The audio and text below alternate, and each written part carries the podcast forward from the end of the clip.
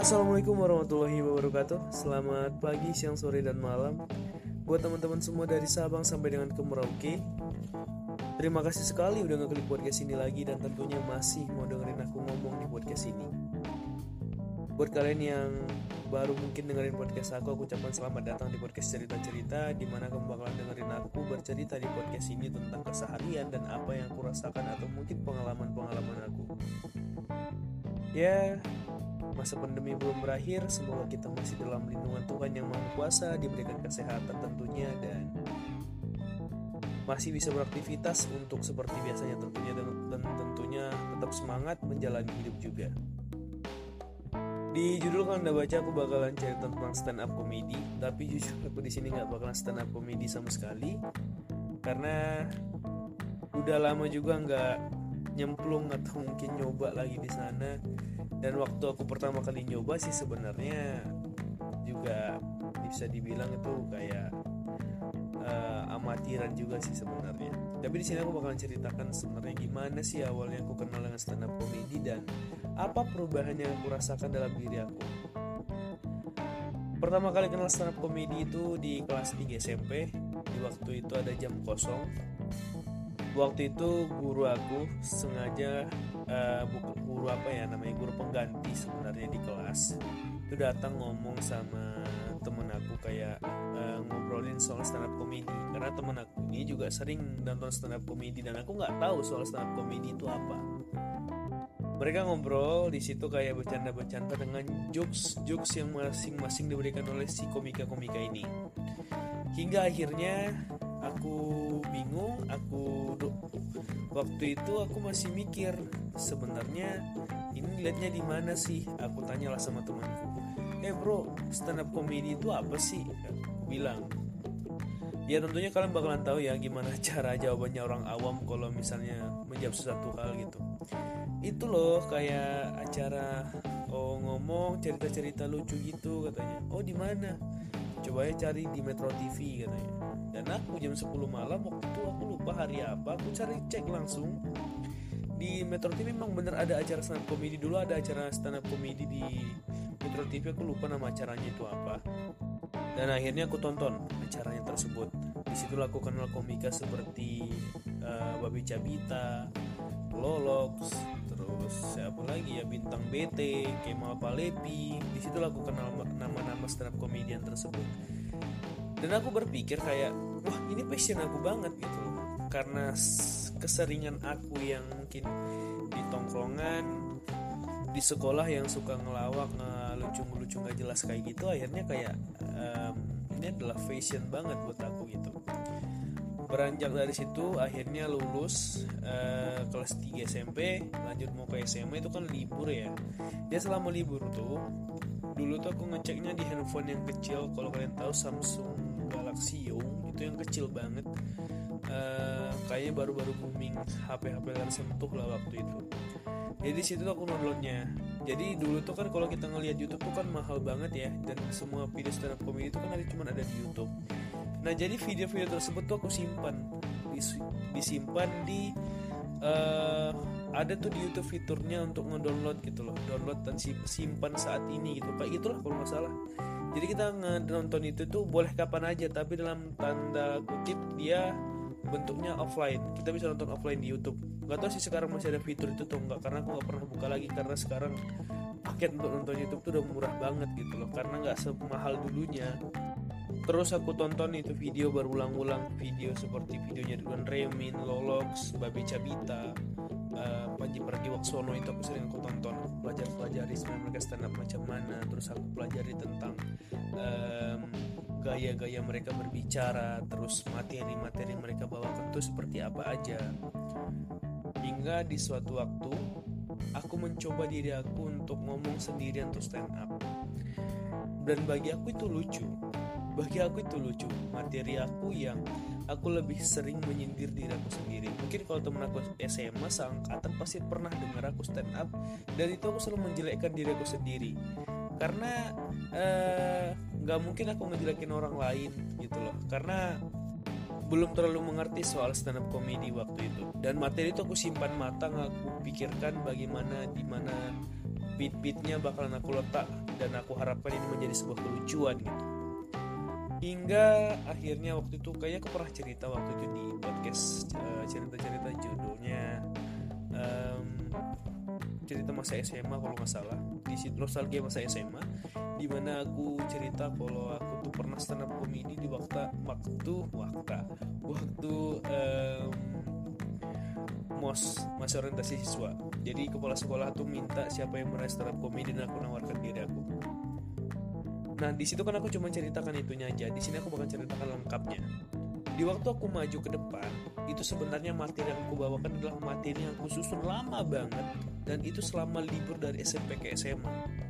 Itu materi aku simpan, aku sisipkan, aku jadikan sebuah materi baru aku sampaikan itu ketika aku stand up waktu itu dan itu pertama kalinya aku beranikan diri aku dalam keadaan jantung tuh berdebar-debar banget takut gak lucu gitu loh dan ternyata fix uh, dengan semua yang aku pelajari aku tonton dari mereka dari uh, stand up comedy Indonesia para komika-komika nasional itu belajar kayak uh, aku sampaikan tapi dengan beberapa beat yang atau mungkin materi-materi uh, mereka yang aku curi lah aku curi aku modifikasi waktu itu. Karena aku nggak ngerti juga kan bikin materi sendiri dan memang benar pecah sih sebenarnya. Aku aku itu adalah salah satu pencapaian yang paling sukses bagi aku dalam waktu aku menjadi seorang uh, atau mungkin bukan seorang sih orang yang baru mencoba menjadi seorang stand up comedian.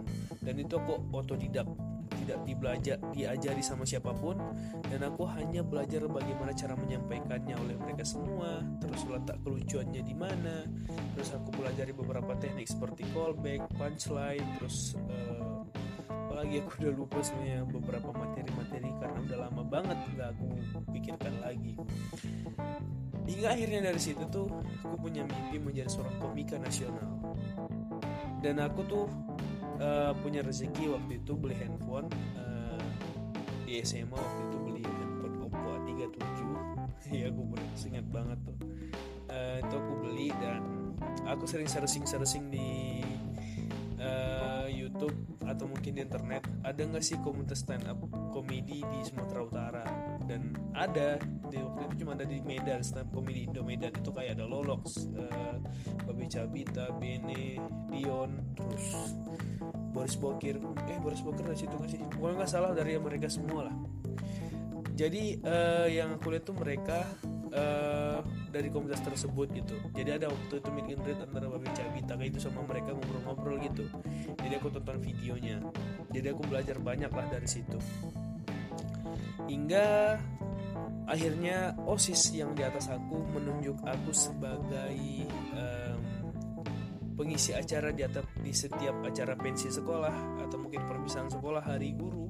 Itu selalu aku ada sebagai acara penutup untuk isi stand up comedy aku nggak mengharapkan apa-apa sih sebenarnya aku cuman uh, mengharapkan aku bisa stand up depan mereka dan itu ketawa semuanya ketawa semuanya dan orang terhibur dengan aku dan satu sekolah itu kenal dengan nama aku. Aku tuh disebut dengan seorang stand up komedian di sekolah.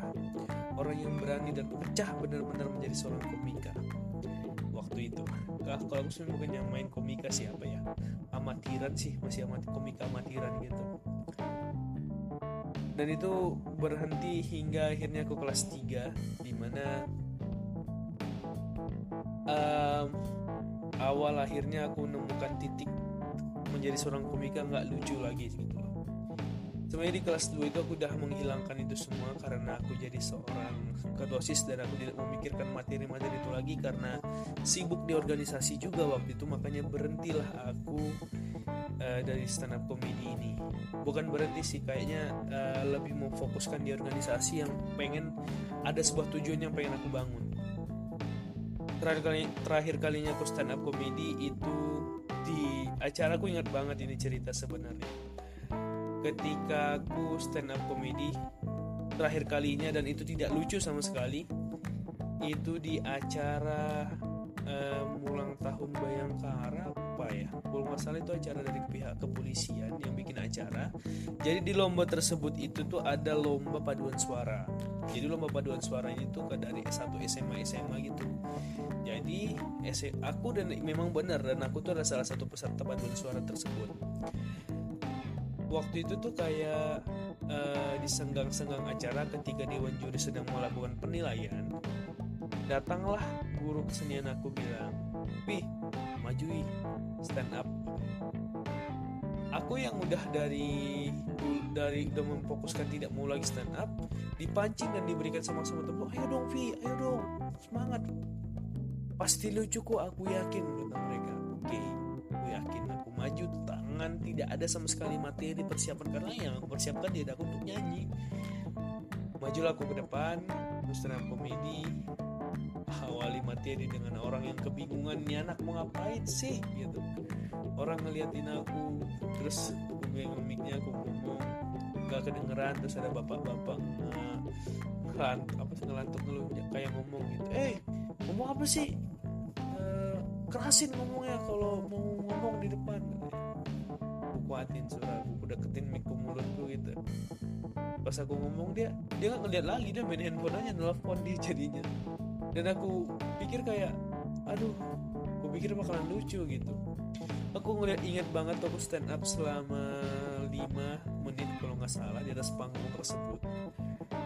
Aku lihat ke depan aku tuh orang ada yang ada yang peduliin aku ada yang ngobrol ada yang nelpon ada yang main game ada yang sibuk sama temen-temennya ada yang nyanyi-nyanyi dan aku lagi stand up loh lagi di depan gak ada yang ngehirauin sama sekali dan gimana ya kalian bayangin gak sih posisi stand up seperti itu? Posisi stand upnya itu adalah bukan hanya siswa doang isinya sama guru-guru tapi polisi.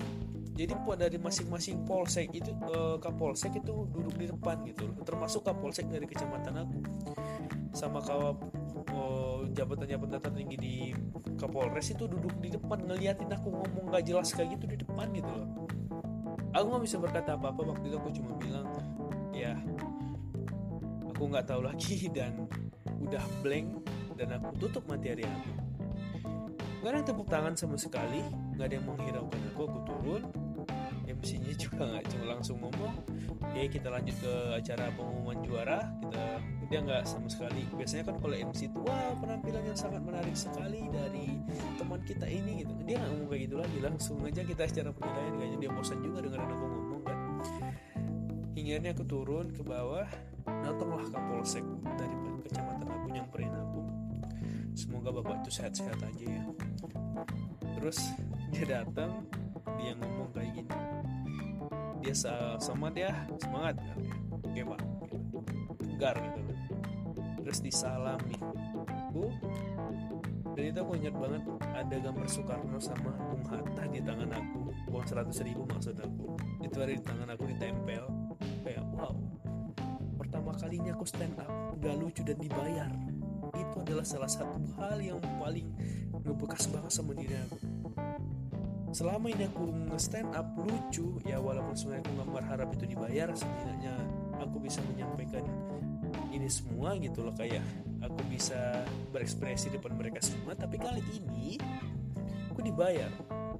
Ada sebuah tetesan keringat yang netes netes loh keringat aku di depan tuh tapi dibayar gitu loh. Terus akhirnya aku turun. Uh, aku ngomong sama guruku aku nggak bisa ditepukin sebenarnya aku udah malu banget. Jadi jalan turun dari panggung tuh aku ngambil dari tengah aku ambil dari pinggir. Dan ada seorang guru ah itu sangat keren banget menurut aku guru tersebut. Karena aku jalannya dari pinggir dia juga duduk di pinggir kayak berdiri aku bilang bu permisi sedikit bu saya mau lewat. Terus dia bilang semangat ya nak.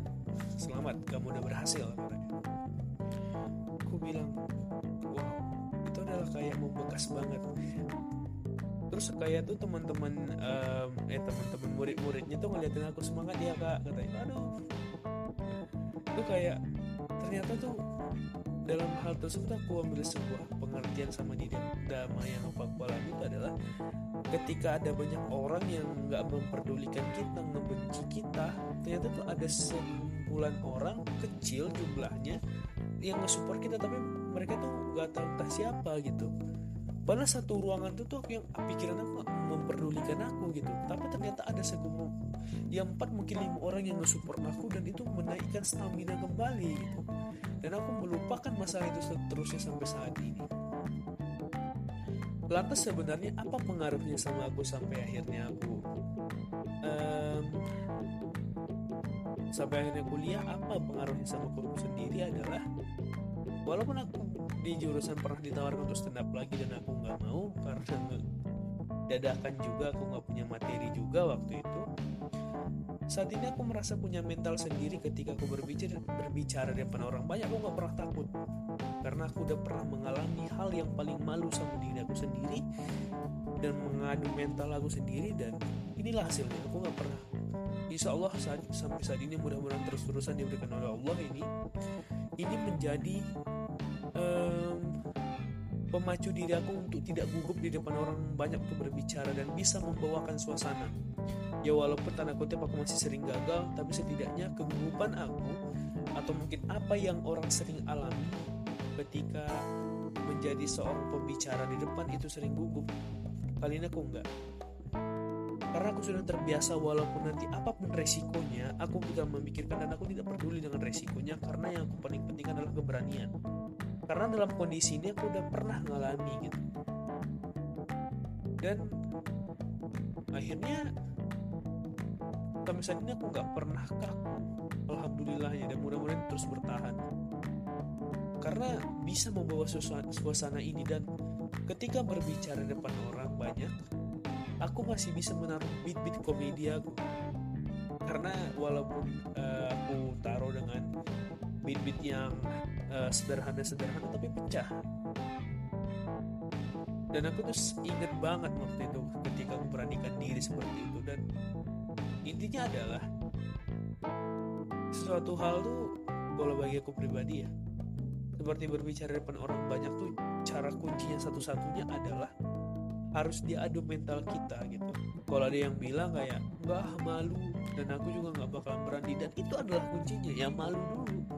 Kalau kita nggak malu kita nggak bakalan bisa. Kalau yang gue alami ya karena kalau udah malu kita bakalan terbiasa dan bakalan berpikir bagaimana cara membawa suasananya gitu. Jadi kegagalan yang pertama dihadapi itu ternyata adalah sebuah impact atau sebuah per bukan impact ya sebuah per yang melompatkan kita lebih tinggi lagi gitu loh. Ya jadi dari kesalahan kita itu yang membawa kita tuh lebih bagus lagi ternyata. Pertama kita lompat ke kegagalan ini dan kegagalan ini bisa menjadi lubang bisa jadi per. Kalau jadi lubang kita bakalan down dan kita nggak bakalan mau keluar dari situ. Tapi kalau kita jadikan sebuah per kita bakalan melompat ke lebih yang lebih tinggi dan sampai orang menjum melihat kita. Jadi intinya sih bagi aku sendiri adalah kalau kamu pengen bisa berbicara depan orang banyak bagi aku sendiri kuncinya adalah coba sesekali untuk maju ke depan beranikan diri dan harus malu ya silahkan malu gak masalah tampil apa adanya karena dari situ kamu akan terbiasa untuk ke depannya mungkin itu aja podcast kali ini. Terima kasih sudah dengerin podcast ini dan assalamualaikum warahmatullahi wabarakatuh